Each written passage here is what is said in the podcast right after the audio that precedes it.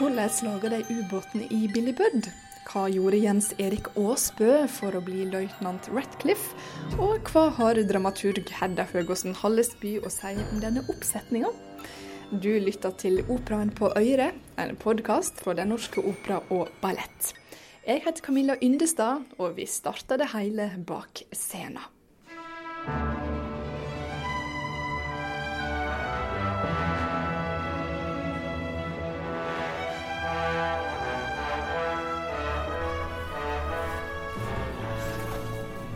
Fra jeg starta å jobbe her, så har vi, liksom gjort, har vi gjort mange eh, produksjoner som bare har vært mye vegger. Sånn Tosca og Peleas og, og, sånn. Hvor det var liksom mye av det samme. Så det har vært kjempegøy å, å lage en ubåt. Virkelig. det sier Sofie Marie Wærenskjold. Hun jobber som snekker i operaen, og nå har hun tatt turen bak scenen for å beundre ubåten som hun og kollegaene har vært med på å lage til forestillinga Billy Budd altså Den er bygd opp av seks doble spant som er lagd i aluminium. Um, og så er det et tak som er en viktig del av produksjonen, for der kommer det til å gå soldater. Og så er det jo gulvet som, hvor det er bunkersenger i bak, i, på den bakerste veggen. Og så kan gulvet fra midten kan vippes opp. Og det er et kantinekjøkken, og det er masse små hjul, sånne ratthjul overalt. Og ledninger og bolter og og ikke minst fargene ser veldig sånn ubåt Jeg har aldri vært i en ubåt, man får liksom litt følelsen at det er riktige farger i en ubåt. Ubåten er ca. 15 meter lang og 6,25 høy. Og det har ifølge Sofie ikke bare vært enkelt å få den satt sammen. Det mest ufordrende på ubåten må være de bakveggene som har en bøy, en bøy i seg. Så smia måtte, måtte sveise de sammen skeive med vilje. Så når vi skulle legge plater på, så måtte vi jo bygge de opp, så ikke platene rettet rammene ut. Så å få de eh, riktige var kanskje det som har vært mest utfordrende. Jeg syns settet er fantastisk stilig. Kjempehøyt. Jeg har jo litt høydeskrekk, så jeg eh, må være ærlig nok og si at jeg syns det er litt ubehagelig å stå på toppen der. Bass og løytnant i forestillinga, Jens Erik Aasbø, har òg tatt turen bak scenen. Der uh, vi offiserene og kapteinen står. Uh, I begynnelsen av andre akt, når vi plutselig ser det her franske skipet som kampscenen, som utgjør første halvpart av andre akt, egentlig, uh, utspiller seg. Da står offiserene på toppen og speider utover. Og så får vi beskjed 'Enemy sails on starboard bow'. Og da springer vi bort til kanten og kikker med kikkert bort på andre balkong.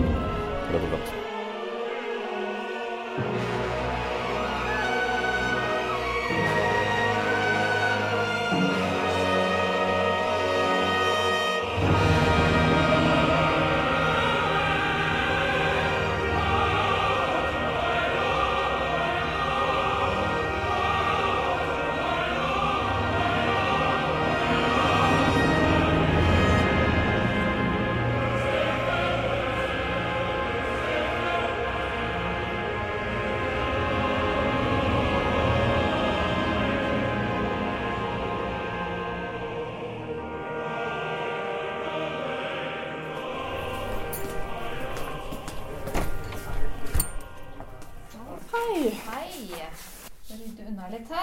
På et kontor i andre etasje i Operaen har dramaturg Hedda Høgåsen Hallesby nettopp satt seg ned ved skrivebordet.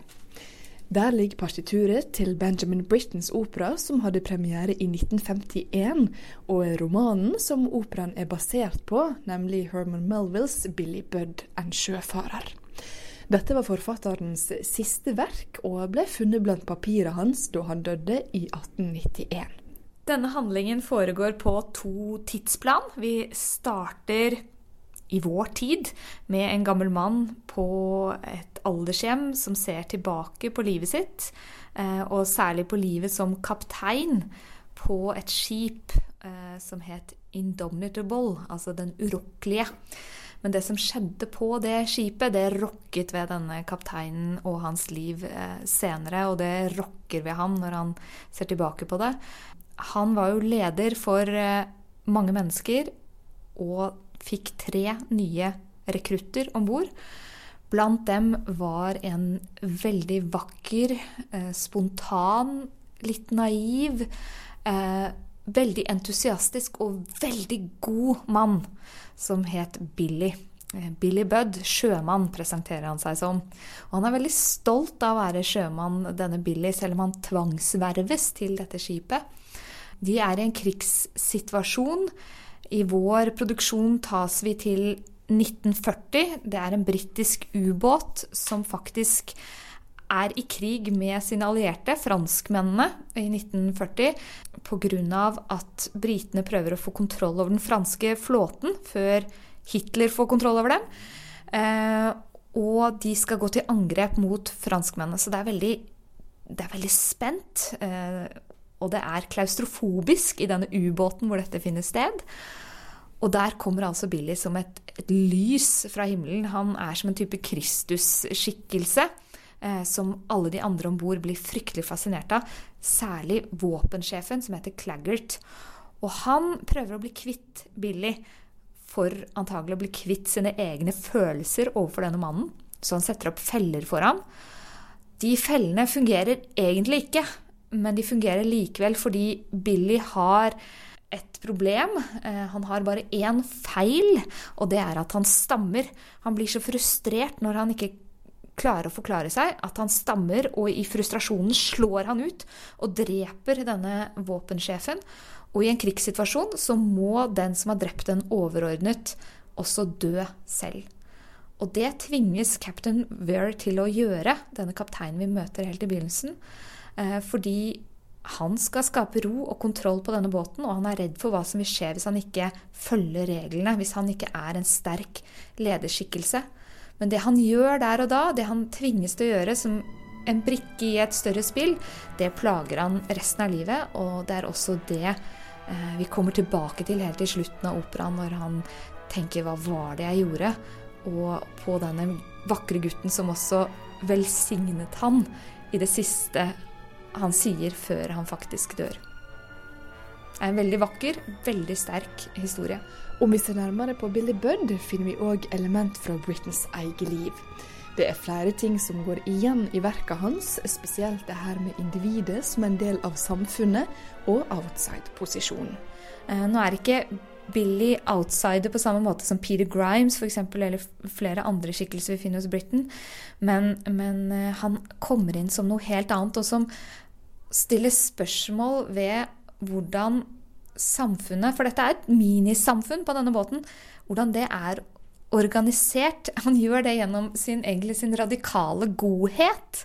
Um, og det var Britain opptatt av. Han var opptatt av um, skjønnheten i mennesket, og ikke minst den, uh, den, kjærligheten som ikke setter grenser i det hele tatt. Han var jo selv homofil i en tid da det var forbudt i England. Dette her, denne hadde premiere i 1951, og da og eh, da var det fortsatt forbudt. Han ble faktisk også tatt inn til Scotland Yard, eh, Britain, og, eh, og, forhørt for sitt forhold til Peter Pearce, tenoren, som faktisk sang Captain Ver i den første premieren. Og jeg vil ikke si at, at eh, det homoerotiske er noe dominerende tema i Billy Budd, men, men den menneskelige skjønnheten, eh, den er hovedtema eh, sammen med havet, som også går igjen i mange av Britons eh, verker. Så vi får liksom lukket menneskeligheten som en liten øy i dette store havet, hvor vi kan se nærmere på hva, hva mennesket egentlig er for noe.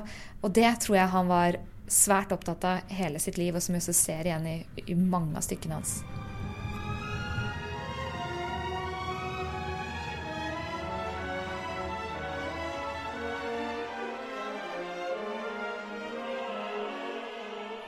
Nå går vi inn i garderoben min, der det er litt roligere.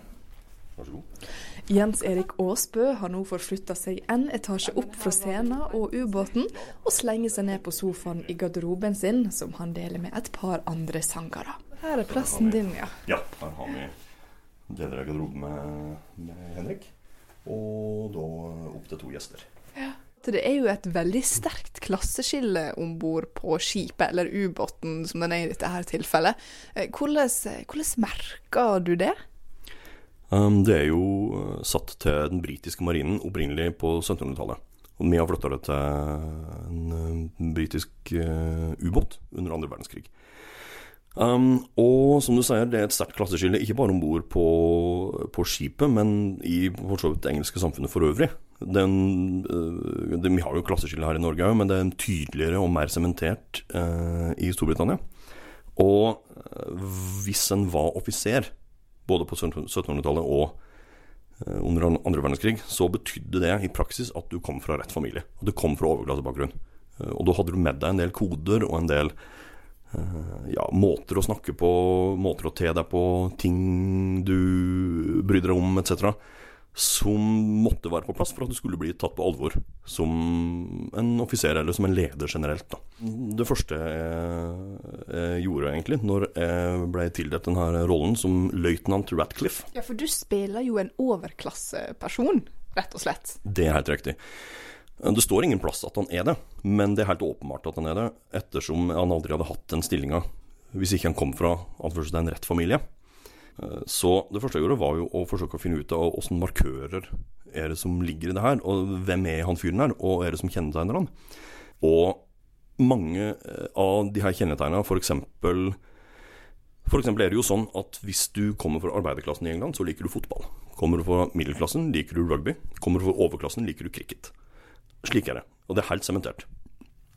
Og øh, det kan ikke vi bruke til noe særlig på operaen. Og det går òg på ting en snakker om, ting en ikke snakker om.